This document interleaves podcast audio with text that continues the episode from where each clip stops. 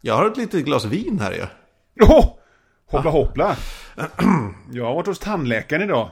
Och fått sån här god guck. Du vet som man får när, när, de, har, när de rensar i tänderna. Nice. Det, det är så skoj jag har haft det idag. Livet.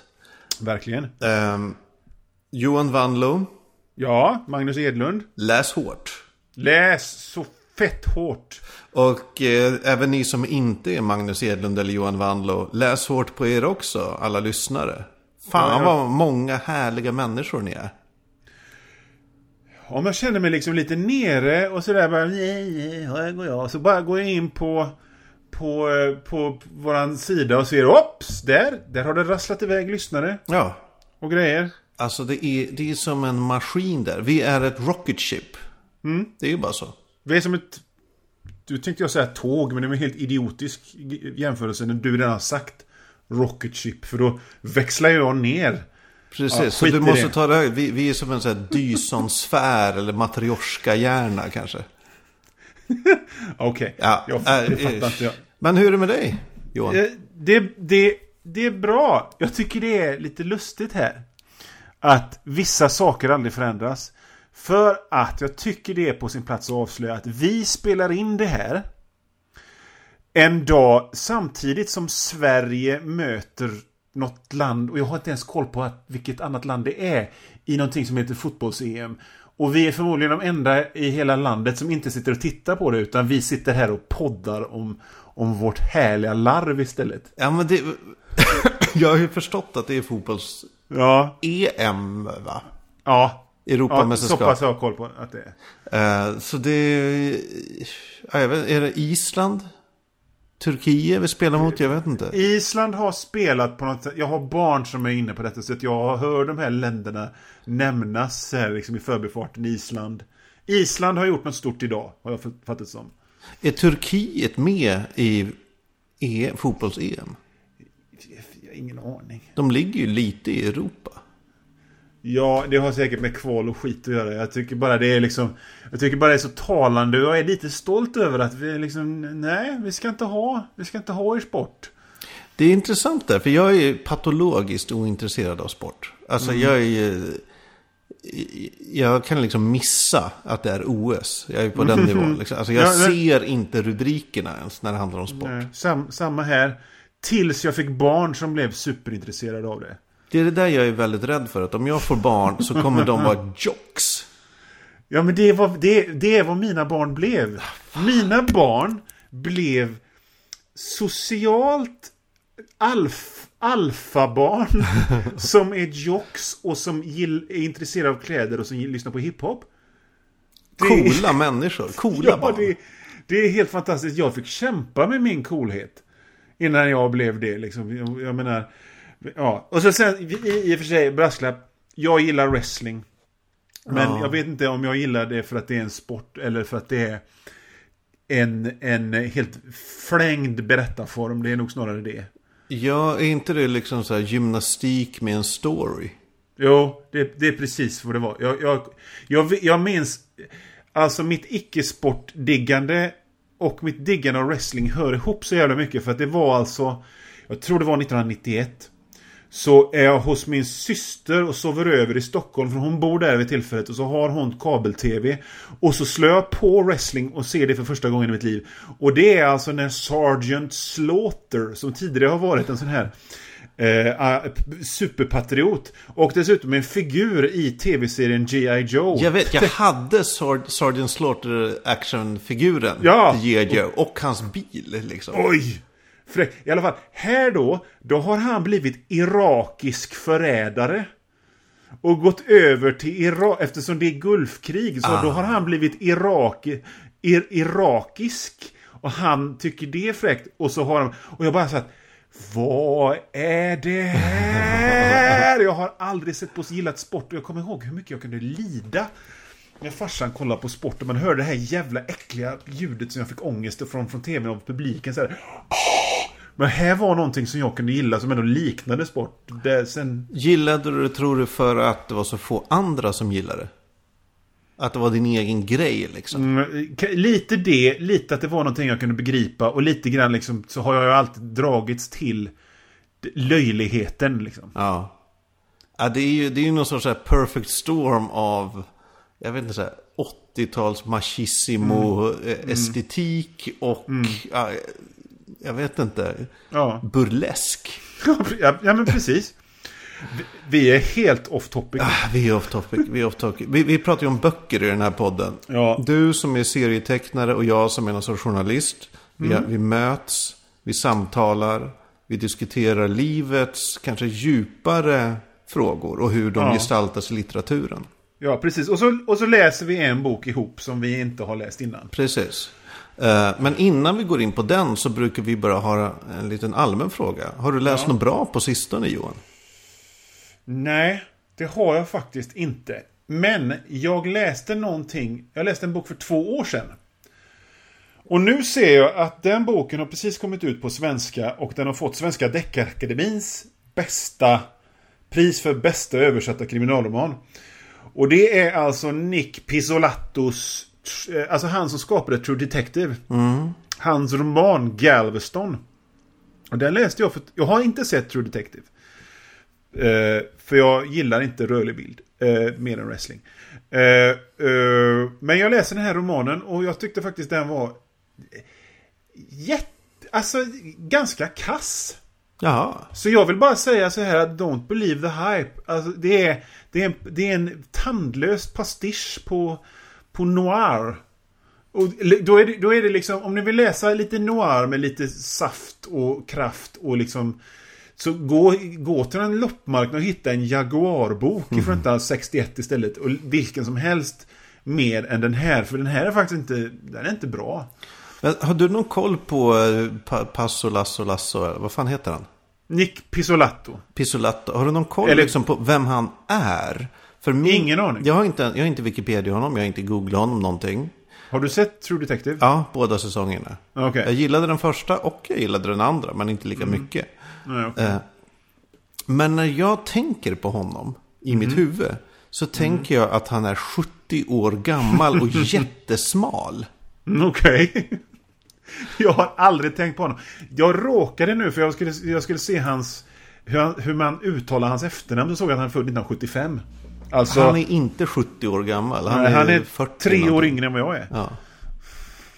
Ja, intressant. För jag, det, i all kanske media som har skrivit om, om honom så får jag intrycket av att han är liksom en, en gammal kuf. Hmm. Ett, en så här lite, ja men så här by, någon så här bysär människa som...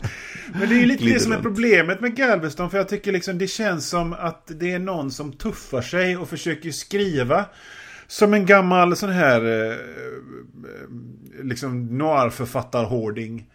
Och, och, och når inte fram. Det är, det är tandlöst. Och, och, och, och jag menar, jag vill bara säga det här, liksom, för det snackas här, tv-serier är så bra numera. Men alltså jag tycker faktiskt att alla tv-serier, även om bra, är ganska dåliga. Och allt, allt det där som man ser i tv-serier nu, det har man ju som serietidningsläsare och bokläsare, det har man ju, det har man ju sett för 30 år sedan.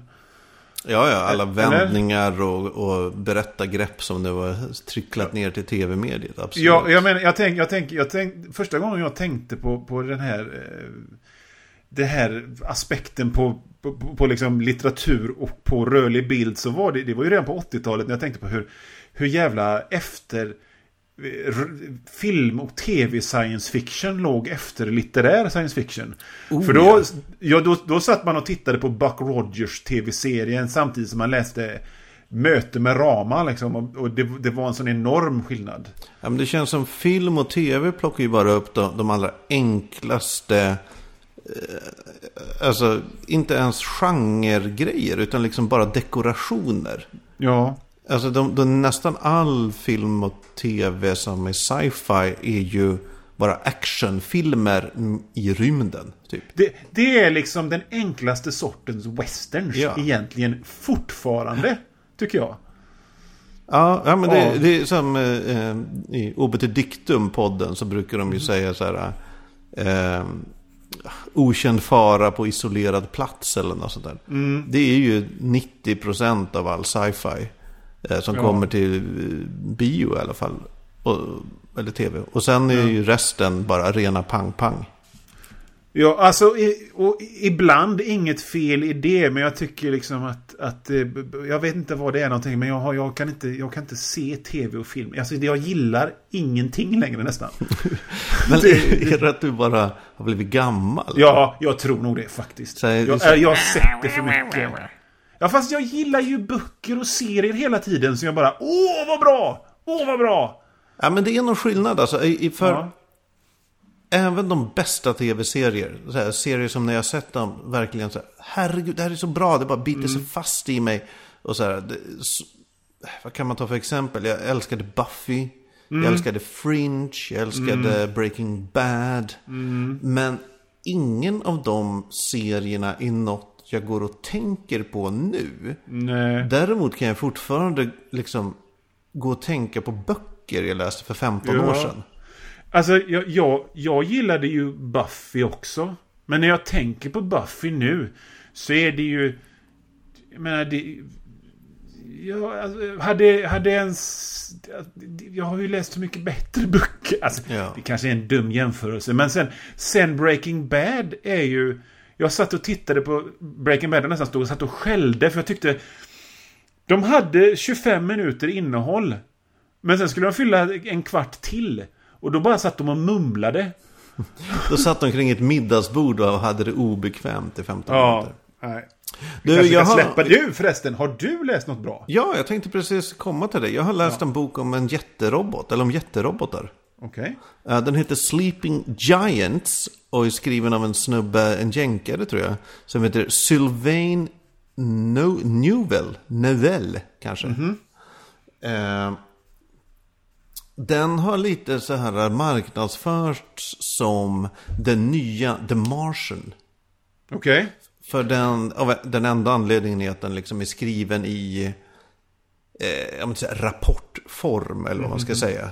Den är skriven som här, transkriptioner av olika intervjuer och tidningsartiklar och lite sådär. Okej. Eh, på samma sätt som The Martian var väldigt mycket. Jag har inte läst The Martian, men det låter även som World War Z liksom. Exakt, det är precis samma liksom, stilistik. Så. Eh, den handlar, alltså den börjar med, det är, det är en ung tjej. Som eh, springer ut i skogen och leker, ramlar ner i ett jättestort hål. Landar, dunk, och är liksom fast. Okej. Eh, sen kommer räddningsteam, sänker ner lite lampor och grejer och så här. Och då ser hon att hon sitter fast, eller hon har, har landat på en jättestor hand. Okej. En stor metallisk hand. Eh, och då är det så här, men vad, vad, vad är det här? Eh, och det, det är väldigt mystiskt och sådär. Men sen ballar det ur lite i, i ja men det vill säga governmental, eh, så här, militären tar över, det blir bara så här massa... Det, det förlorar sin mystik. Och, och den tar väldigt enkla lösningar i så här att ja, men plötsligt kommer en mystisk person som berättar saker ingen annan vet. Så här, men, Ja. Jaha, men vem är det då? Eh, så, ja men bra, men väldigt så upplagd för en uppföljare. Vilket jag har Jo. lite svårt för ibland. När den böcker är så tydligt så här, inte kan stå för sig själv. Ja, jag, jag kan tycka att det där, den är, det, alltså... Jag älskar ju en, en, en god cliffhanger. Det finns nästan inget bättre. Jag, jag kan tycka liksom att, att eh, väntan mellan... På den tiden jag gillade tv-serier så, så kunde jag tycka att när man... Väntan på ett nytt avsnitt av Lost kunde vara som en bit av kvaliteten själv. Men Ja, jag men- kan också tycka att det blir liksom lite för mycket när hela jävla långa biofilmer som är tre och en halv timme långa ändå aldrig tar slut. Utan det ska en film till och sånt där. Jag kan tycka det går elefantiasis i det där. Ja, alltså jag, jag gillar väl cliffhangers alltså, på, på något sätt. Det är ju en härlig mekanism. Men eh, alltså, när jag gick in i den här boken så hade jag ingen indikation på att det skulle vara typ del 1 i en serie. Och då blir man lite så här, ja men vad fan. Vi kunde väl skriva så här någonstans. Part one of the bla bla bla. Trilogy. Men, alltså, jag, alltså, jag menar, en, en, en början på en serie kan ju vara liksom det bästa som finns. Men jag vill att åtminstone en story är slut. ja, exakt. Eller hur? Och här tar liksom ingenting slut. Det, Nej, det är... fan. Vissa, några liv tar slut. Det är väl typ det. Men det är, så här, det, är, man, det är bara mer frågetecken på slutet än i början. Ja, alltså jag, jag, jag, jag, jag läser om en av mina favorit Marvel-serier nu. Och det är en serie som heter Tomb of Dracula från 70-talet. Och det, det var liksom när Marvel var som mest tvåloperaig. Ja. Och jag älskar det där. Jag älskar Marvel tvåloperan. Och dessutom med den här Tomb of Dracula då så är det ju det, Marvel-serier från den tiden. Om man till exempel läser Spider-Man från den tiden så är det liksom Ja det är lite tvålopera-mys och så är det liksom en, verkligen en bunt sidor som man bara kan bläddra förbi för att det är bara slagsmål med banter.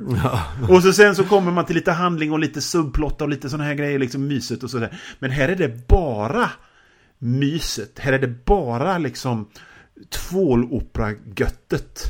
Alltså jag Och- älskar ju Marvel på, på det sättet att... Eh, eh, alltså förra sommaren så läste jag en X-Men-samling. Curse of the Mutants. Där, jag, där plötsligt så här, vad fan, Dracula är en del av Marvel-universumet. Det var liksom, Dracula slogs mot Wolverine och liksom så här. Ja. Det var sån här vampyrinvasion typ så här, som höll på att förgöra alla X-Men och så här. Det är så jä- det är så oerhört, oerhört konstigt och härligt. Ja, precis. Att, att liksom Vlad Tepes är så här en karaktär Ja. som lever bredvid så Spider-Man. Typ. Ja, för fan. Jag menar, i den, i den 70-talsserien så kommer Doctor Strange fram och massa sådana grejer. Så det, men, men, men grejen var att varje nummer var ändå så pass... Det fanns alltid någonting som var self-contained så att man blev nöjd. Och det, är liksom, det är en konst som fan folk borde lära sig mer. Uh, Ja, jag. verkligen. Men eh, med de orden kanske vi ska gå vidare till vårt eh, huvudnummer. Ja, precis. Ja. Det är, Och det här, lite självplågeri från din sida förstår jag. Ja, det är ju min, min vän Pernilla Eriksson. Ja, Eh, Hon är för övrigt bjuden på mitt bröllop om en månad. Så eh, okej. vi får se hur det går. Vi ser om det blir bra stämning. Hon kanske lämnar återbud efter det här, det vet vi inte än. Eh, hon har skrivit en uh, deckare-deckare. Mm. Som heter Spåren vi lämnar efter oss. Vad menar du med deckare-deckare? Alltså att det är en deckare. Ja. Rakt av. Det är inte så här som vi har läst tidigare. eh, typ deckare fast i, i 1800-talet. Eller deckare fast det finns eh, monster. Eller... Nej. Utan en Deckare. deckare, deckare. Ja. Och, och jag måste säga att eh, när jag bara, när jag tänkte på, aha, okej, nordisk svensk deckare, ska jag behöva läsa det nu? Och jag bara, Åh! För att jag har en fördom mot sånt. Att jag, tycker, Ja. jag, jag, jag tror att det är så jävla tråkigt liksom. Men- Och Henning Mankell och folk liksom... Eh, poliser som har magsår och som lyssnar på klassisk musik och skit. Det var, liksom, det var mitt första bara, åh oh, oh, gud. Ja, ja, Innan okej. vi drar igång, eh, ska, ska du eller jag sammanfatta snabbt handlingen? Vi kan väl göra det ihop. Ja.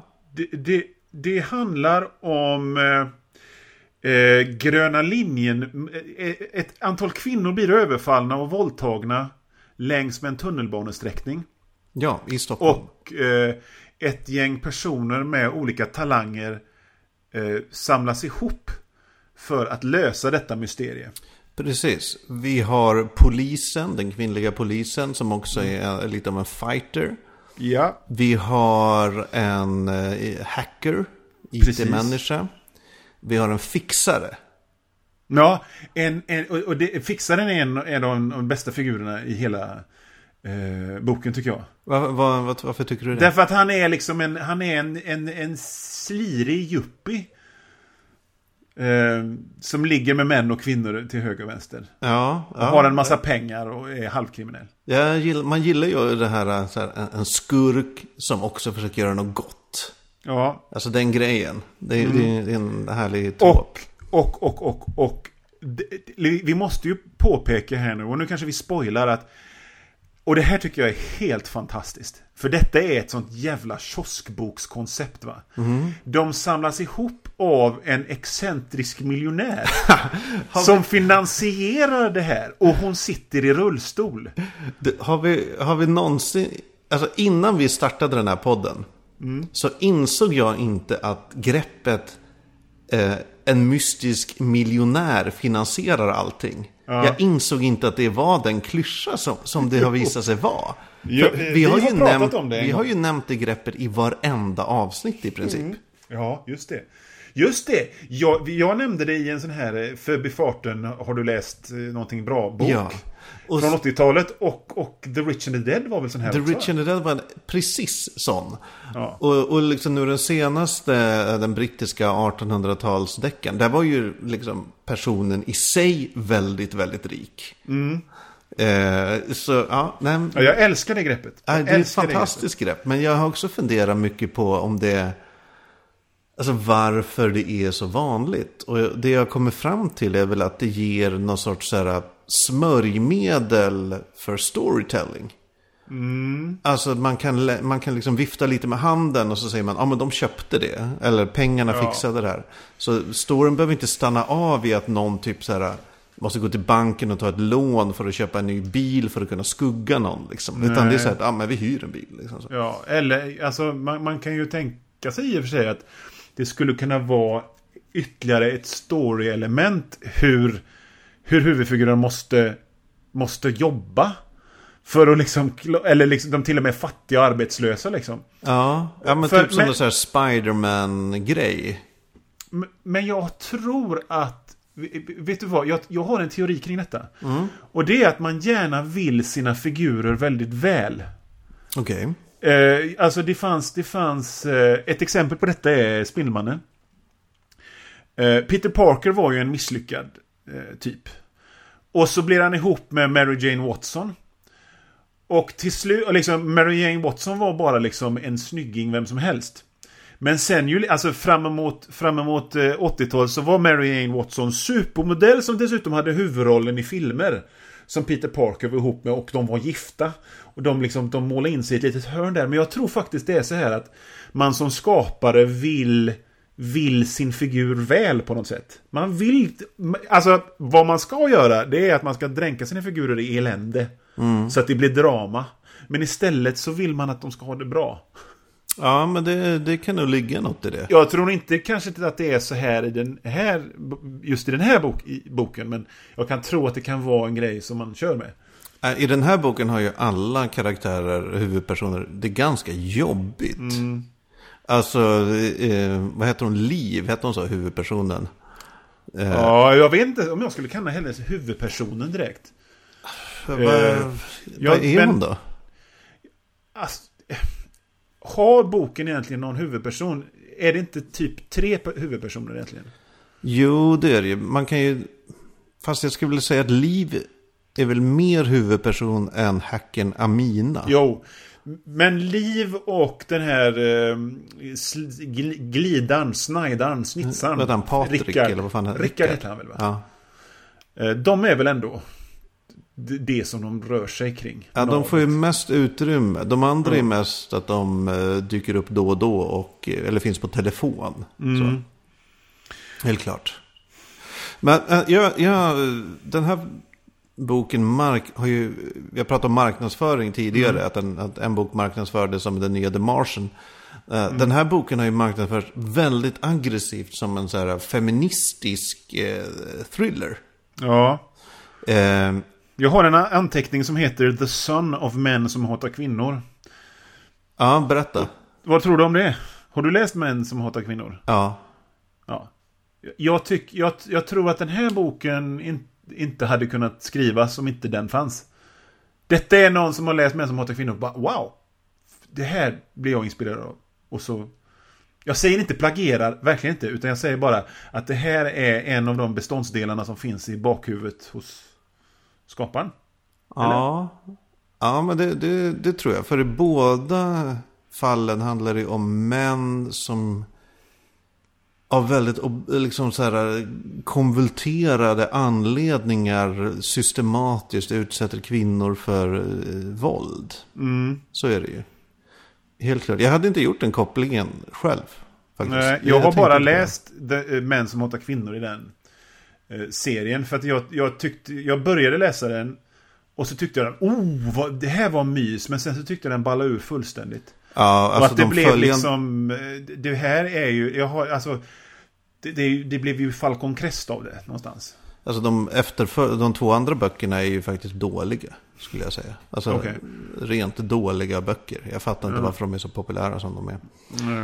Eh, nej, nej, men det, det jag tänkte med att den är marknadsförd som en feministisk thriller. Det är den ju på många sätt. För den liksom Ja. tar upp så här, ett stort samhällsproblem. Så här, våld mot kvinnor och grejer. Det är liksom inga, inget konstigt det där. Och det gör, jag tycker den gör det väldigt bra. Mm. eh, på på liksom ett snyggt sätt. Liksom. Även om jag ibland kan känna att det storyn stannar av lite för att någon har liksom ett rant om Ja. sig. Ah, nu, jag, jag höll på att säga ett, rant om så här, förlossningsvården. Men det, det kommer ju faktiskt aldrig upp i boken. Nej, men, men alltså jag, kan tycka att det är någonting av vad som jag tycker är bra med boken. Det är att den är jävligt förbannad. Oh ja. Alltså den är, den är och, och då blir det tycker jag en ganska intressant effekt för att jag, jag tycker boken är liksom lite Alltså det finns ett kvällstidningsjournalistsätt att skriva böcker. Ja. Jag, har, jag har läst rätt mycket böcker, framförallt biografier, men även några böcker skrivna av journalister. Och journalister skriver och de dönar ut det liksom. Och det är ganska opoetiskt. Ja, alltså, det, det, det som ska ut ska ut och de, för de, det är så de har lärt sig att skriva. Och den här tycker jag är så här, och det blir liksom... Eh, och ibland kan det bli, alltså jag tänker på, alltså det skrivs om hur musik låter. Det var energiska gitarrer i den låten och man hörde Lana Del Reys svala röst. Så det blir, man vaggas in i någon liksom ganska ytlig eh, text. Och så översköljs man av den här jävla vreden i boken. För plötsligt så blir det så fruktansvärt brutalt och så fruktansvärt argt. Och, och, och de här männen som utför vissa saker blir så... Deras testiklar blir mosade till gröt och det skrivs ut liksom. Och det Alltså- blir en chockeffekt och, man, och det är liksom lite gött. Och jag tror liksom, det är ju, tycker jag även illustrerar liksom hur, hur alltså sätten boken är skrivet reflekterar också eh, ämnet så att säga. Alltså det är ju så här, väldigt många av de kvinnor som blir överfallna är ju så här, ja de har en härlig festkväll. Ja. Alltså så här, typ, fan vet jag, lyssna på Lana Del Rey kanske. Ja. Och sen plötsligt, boom, så är det liksom våld, elände, misär, fullständig samhällskollaps. Liksom. Ä- Att eh, det, det, den tempoväxlingen tycker jag funkar väldigt bra. Och jag tycker det är som sagt en av bok, bokens större kvaliteter faktiskt. Ja. Att, eh, att här finns en, eh, en, en, någonting som kokar under det hela. Verkligen. Jag hade lite, eh, om vi pratar om så här journalister som skriver. Eh, Pernilla Eriksson är ju journalist. Ja. Eh, och och en, i ett fall tycker jag det arbetade lite emot henne. Alltså, eller, att ibland är det, när hon gestaltar sina karaktärer, så är det, det tangerar att hon är en journalist som berättar om en person. ja, men exakt. Snarare Det, än att hon gestaltar en person. ja, men det, är- det är precis så jag menar att, att journalister ofta skriver. Ja, ja men så kanske det är. Det, man är väl drillad i ett visst, visst sätt att skriva. Ja, och eh, man sprutar ut text och så vidare. Nu är inte jag journalist, men jag, jag har jobbat på tillräckligt många kvällstidningsredaktioner, eller en kvällstidningsredaktion för att veta liksom lite hur, hur, hur det ser ut. En, kvälls, en kvällstidningsredaktion är de man GT. jobbar på alla. Ja, men alltså Det jag har väl jobbat på... Ja, nej men jag, har- jag har jobbat på GT och sen en vecka på Expressen, så att jag vet. Men den, den stora frågan, jag var ju inne där på min, på marknads, min marknadsföring. Är Oj, det var vinet! Ja, där, där kom vinet fram, förlåt. Eh, är det här en feministisk thriller? Är den feministisk? Och vad betyder det i sådana fall? Det skulle du frågat en smartare människa än jag. Jag tyckte inte den kändes... Det, det var ju inget som var ofeministiskt med den. Nej, jag verkligen? Men jag tycker liksom inte det... Alltså hur ska jag säga det här utan att det blir fel? det var, jag tyckte inte det var att, att det, feminismen satt i vägen för underhållning. Alltså, Nej. ja, alltså eh, om det är parallella plan så låg feminismen och, och spänningsunderhållningen bredvid varandra. Tycker jag. Ja, det, det är... Nej, precis. De begår inte våld på varandra. Det, det Nej, och det var inga inte. pekpinnar. Det, det blev aldrig det här som en progglåt eller som, som eh, när Sjöwall Wahlöö plötsligt börjar prata om hur, hur, hur, hur härligt det är i Kina. Och med planekonomi och så vidare. Det, sånt dök inte upp så, så det störde mig direkt. Nej, det, det får vi fan vara glada för. men men det, det är tanken som slog mig också. Alltså, lyfter man blicken lite? Eller, Ja. eller så här, ser man det på ett, ett fan, plan ovanför just den här boken. Så kan man ju bara säga, det här är ju bara ytterligare en, bok bland alla andra som använder så grafiskt våld, sexuellt våld mot kvinnor som en liksom storymotor.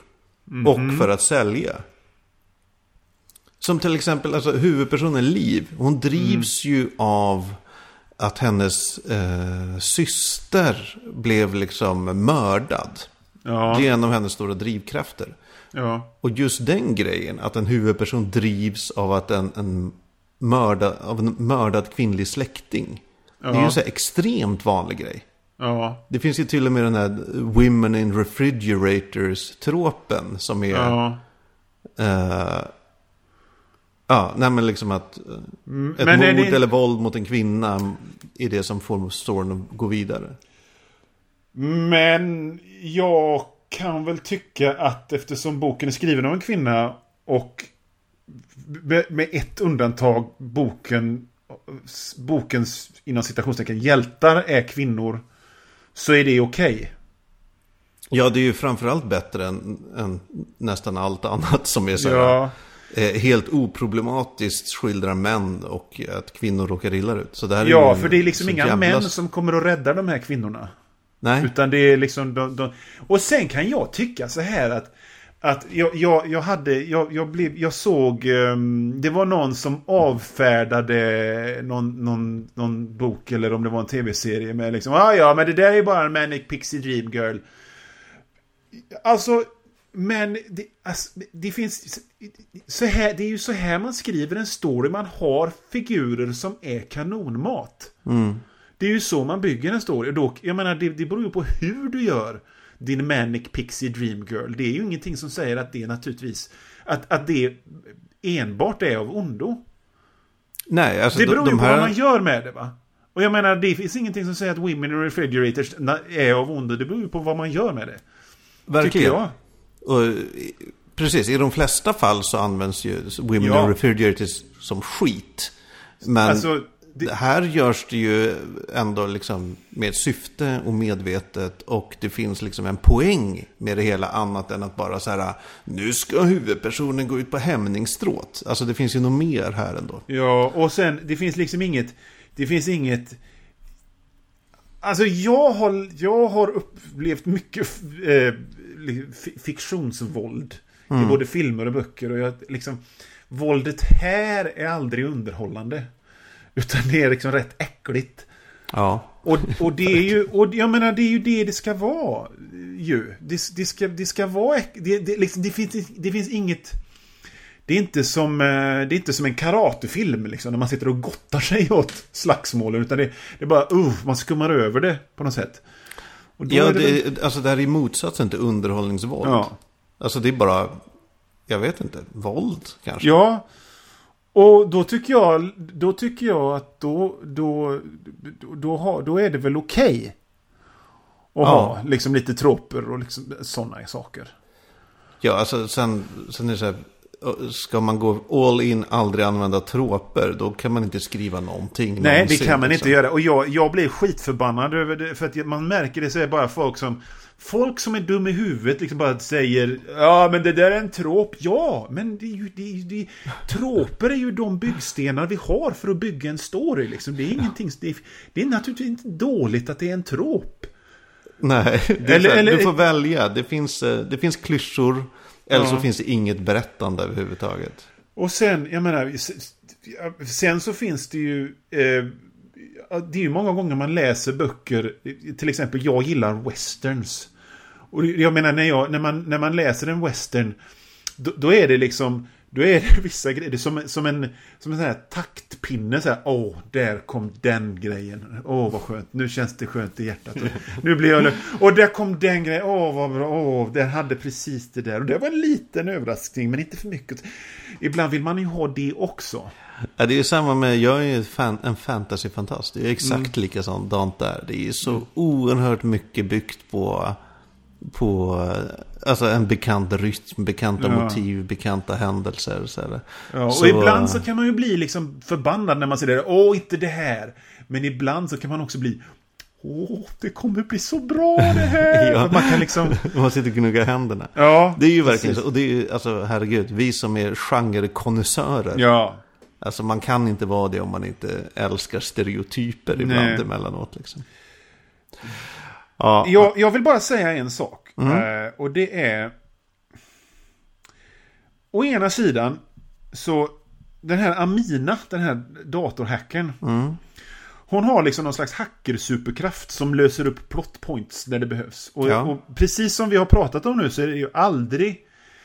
Det behöver inte vara fel med en saftig Deux Ex Machina. Verkligen Men liksom inte, inte fyra gånger liksom. Bara, Tycker ja, hon gör det för ofta? lösningen och hon har lagt en bugg där och så fixar det sig så. Eller? Ja, ja, alltså Amina var nog den karaktär jag hade svårast för. Men det kanske också var för jag, det är den karaktär jag liksom vars ämne jag har mest insyn i. Liksom, ja. och, och, ibland kändes det där, där, där kanske det, var, det pikade i det här att det kändes som en journalist som skriver om en hacker snarare mm. än en författare som skildrar en hacker. Men, uh, Samtidigt så, så, så, så, vi hade kontakt när vi, när vi höll på att läsa den här boken och, och jag, jag, jag mässade dig så här, ja jag har, jag har läst en tredjedel.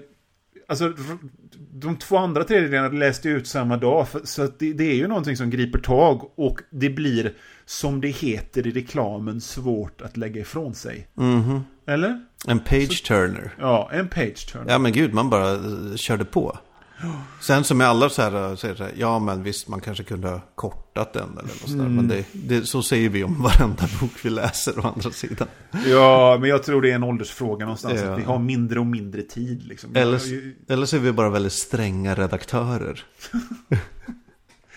jag, eh, den här boken kändes väldigt origin, väldigt pilotavsnitt. Och det, jag är faktiskt intresserad av att läsa nästa bok. För det här är ju en serie. Ja, det är en trilogi. Tror jag. Oj, förlåt. Jag, mitt, mitt ben, som... nej, mitt ben somnade. Jag var tvungen att sträcka ut det. Nej, men jag har för mig att det här är en trilogi. Ja, och, så att jag är ju ganska nyfiken på vad nästa bok blir när allt origin är ur vägen. Mm. När alla liksom, släktingar som råkat illa ut har liksom, deras backstory är beskriven och allt liksom, och så, och så köra på med Sen, då, då, det är jag faktiskt nyfiken på. Jag mm. kommer nog kanske läsa nästa. Och, och, ja, för den här, det vi klagade på tidigare, i mm. tidigare böcker. Det här är ju en self-contained story. Mm. Alltså den, den här storyn får ett avslut i, ja. i samma bok. Så, och, så, och så fanns det liksom två små, små grejer. Liksom, och det var bara några meningar. Men, no, men någonting som, som, som inte förlöstes. Vad, som man kan längta efter. Säg, säg vad, vad är det du ja, syftar okay, på? Okej, nu spoilar jag. Men, men vi spoilar men, ju jättemycket i den här podden. Men det är liksom till exempel, eh, den här Liv eh, har ju en, eh, en, en tjej. Mm. Hon inleder ett förhållande med den här Rickard. Snyderglidaren. Mm. Under bokens gång. Och på de sista sidorna så, så så, så kommer ju den här tjejen eller ring eller vad det är och, och åh, du klarar det. Mm. Så att man liksom, dun, dun, dun, hur ska det gå nu då med Rickard, den här tjejen och oj, de här. Oj, oj. Och, och, och, och det var jävligt läckert, för det handlar inte mer än om två meningar. Och men, samtidigt som boken ändå hade fått en, ett rejält slut. Liksom. Men jag, jag. Är, är de ihop, Liv och den här tjejen? Alltså har de ett förhållande på det sättet? Är de inte bara roommates? För ibland, Fick det till att de var... Jag fick det till att de I- hade förhållande. ibland pratar ju Liv om så här, ja men vad, vad fan hette hon? Miriam kanske, jag kommer inte ihåg. Ja. Ja men den, Miriams hemsläp brukade... Du, du, du. Eller har jag missuppfattat det, det, här det, helt? det, det, det, det tolkade jag bara som att... Eh, ja, ja. Alla har väl haft ett mycket mer expansivt sexliv än vad jag har haft. som har Jaha, suttit och läst böcker hela mitt liv. Ja, ja. Så att jag, folk, folk är väl ihop med varandra och har hemsläp hit och dit. Och. Ja, ja, men då kanske... Ja, ja. Jag kanske hade fel, men... Eh, Du sitter där i Stockholm, eller i Göteborg och bara, "Ah, nej, så de håller på i Stockholm. Ja, Fy fan, alltså det är ju skamligt. De bara ligger och det är ju- bara ligger och går på Stureplan Ja. och, och vaskar kaviar eller vad fan. Ja. Säkert. Nej, det var mer så här att jag accepterade. Hej och hå, ja ja, folk ligger med, med varandra jättemycket när de är i den där åldern. Det, Mm. det, ja, visst, jag spelar Playstation, ja. Men, men, men, men sådär. Det är liksom mer så här resignerat att jag... Det var en gammal hederlig avund. Ja, men, ja, det hade jag nog haft. Om jag hade läst den här boken för 15 år sedan hade det nog varit det. Men nu var det mer så här en någon slags bitterljuv acceptans av att jag är på väg in i liksom någon slags mitt livs höst och medelålder. Så här. Och lite den här känslan, hur orkar de? Ja, precis! Hur orkar de? Eh, Ja, du, du Johan, eh, vi är inte färdiga än. vi, hur menar du? Vi måste prata om hur vi ska göra nu. Vi kommer ju ta ett sommaruppehåll. Ja, Det kommer vi göra. vi kommer att göra det. På grund av, det är sommar, herregud. Ja. Då ska eh, man läsa böcker, inte prata om dem. Nej, har du, eh, har du, st- har du några läsplaner inför sommaren? Du, jag har en hög som är ungefär en halv meter hög. Mm. eh, som ligger här på mitt uh, fönsterbräde. Eh, jag har Guy Gabriel Case senaste bok. Jag har en bok som heter The Summer Dragon. Okej. Mats Strandbergs Färjan hade jag tänkt Ja. läsa. Ja, ja. det, är, det är Ian McDonald och lite Ja, så här. Jag, jag, har väl, jag, har väl, jag har väl några meter böcker också, men jag, jag skaffade faktiskt, eh, jag köpte idag, köpte jag Stephen Kings Finders Keepers. För att på sommaren ska man läsa Stephen King. Är du en Stephen King eh, eh, människa? Absolut, det är jag. Men jag kan även se hans fel och brister. Men jag är absolut en Stephen King-människa, ja. Jag är så jävla sugen på att läsa den här The Dark Tower-serien. De har jag inte läst, för att jag är ingen sån fantasy-fan. Så att de har jag aldrig... Men det verkar ju som att de böckerna knyter ihop alla andra Stephen King-böcker i något stort så här universum. Alltså, det, det, ja, det, man, det var ett tag... Det var ett tag så här med Stephen King att att alltså det, han är så jävla organisk som författare för att... Ett tag så, så tyckte man att varenda Stephen King-bok var... Men fan, han, nu är han sjuk i huvudet. Han måste sluta äta mediciner nu. För att nu är det liksom, för nu är det konstigt. 300 jävla sidor som handlar om en, om en bil som inte går att köra. Som är en dimensionsport, liksom. Eh, och, och ett tag så var det så här att ja, det här, den här boken är skitbra. Till 70%.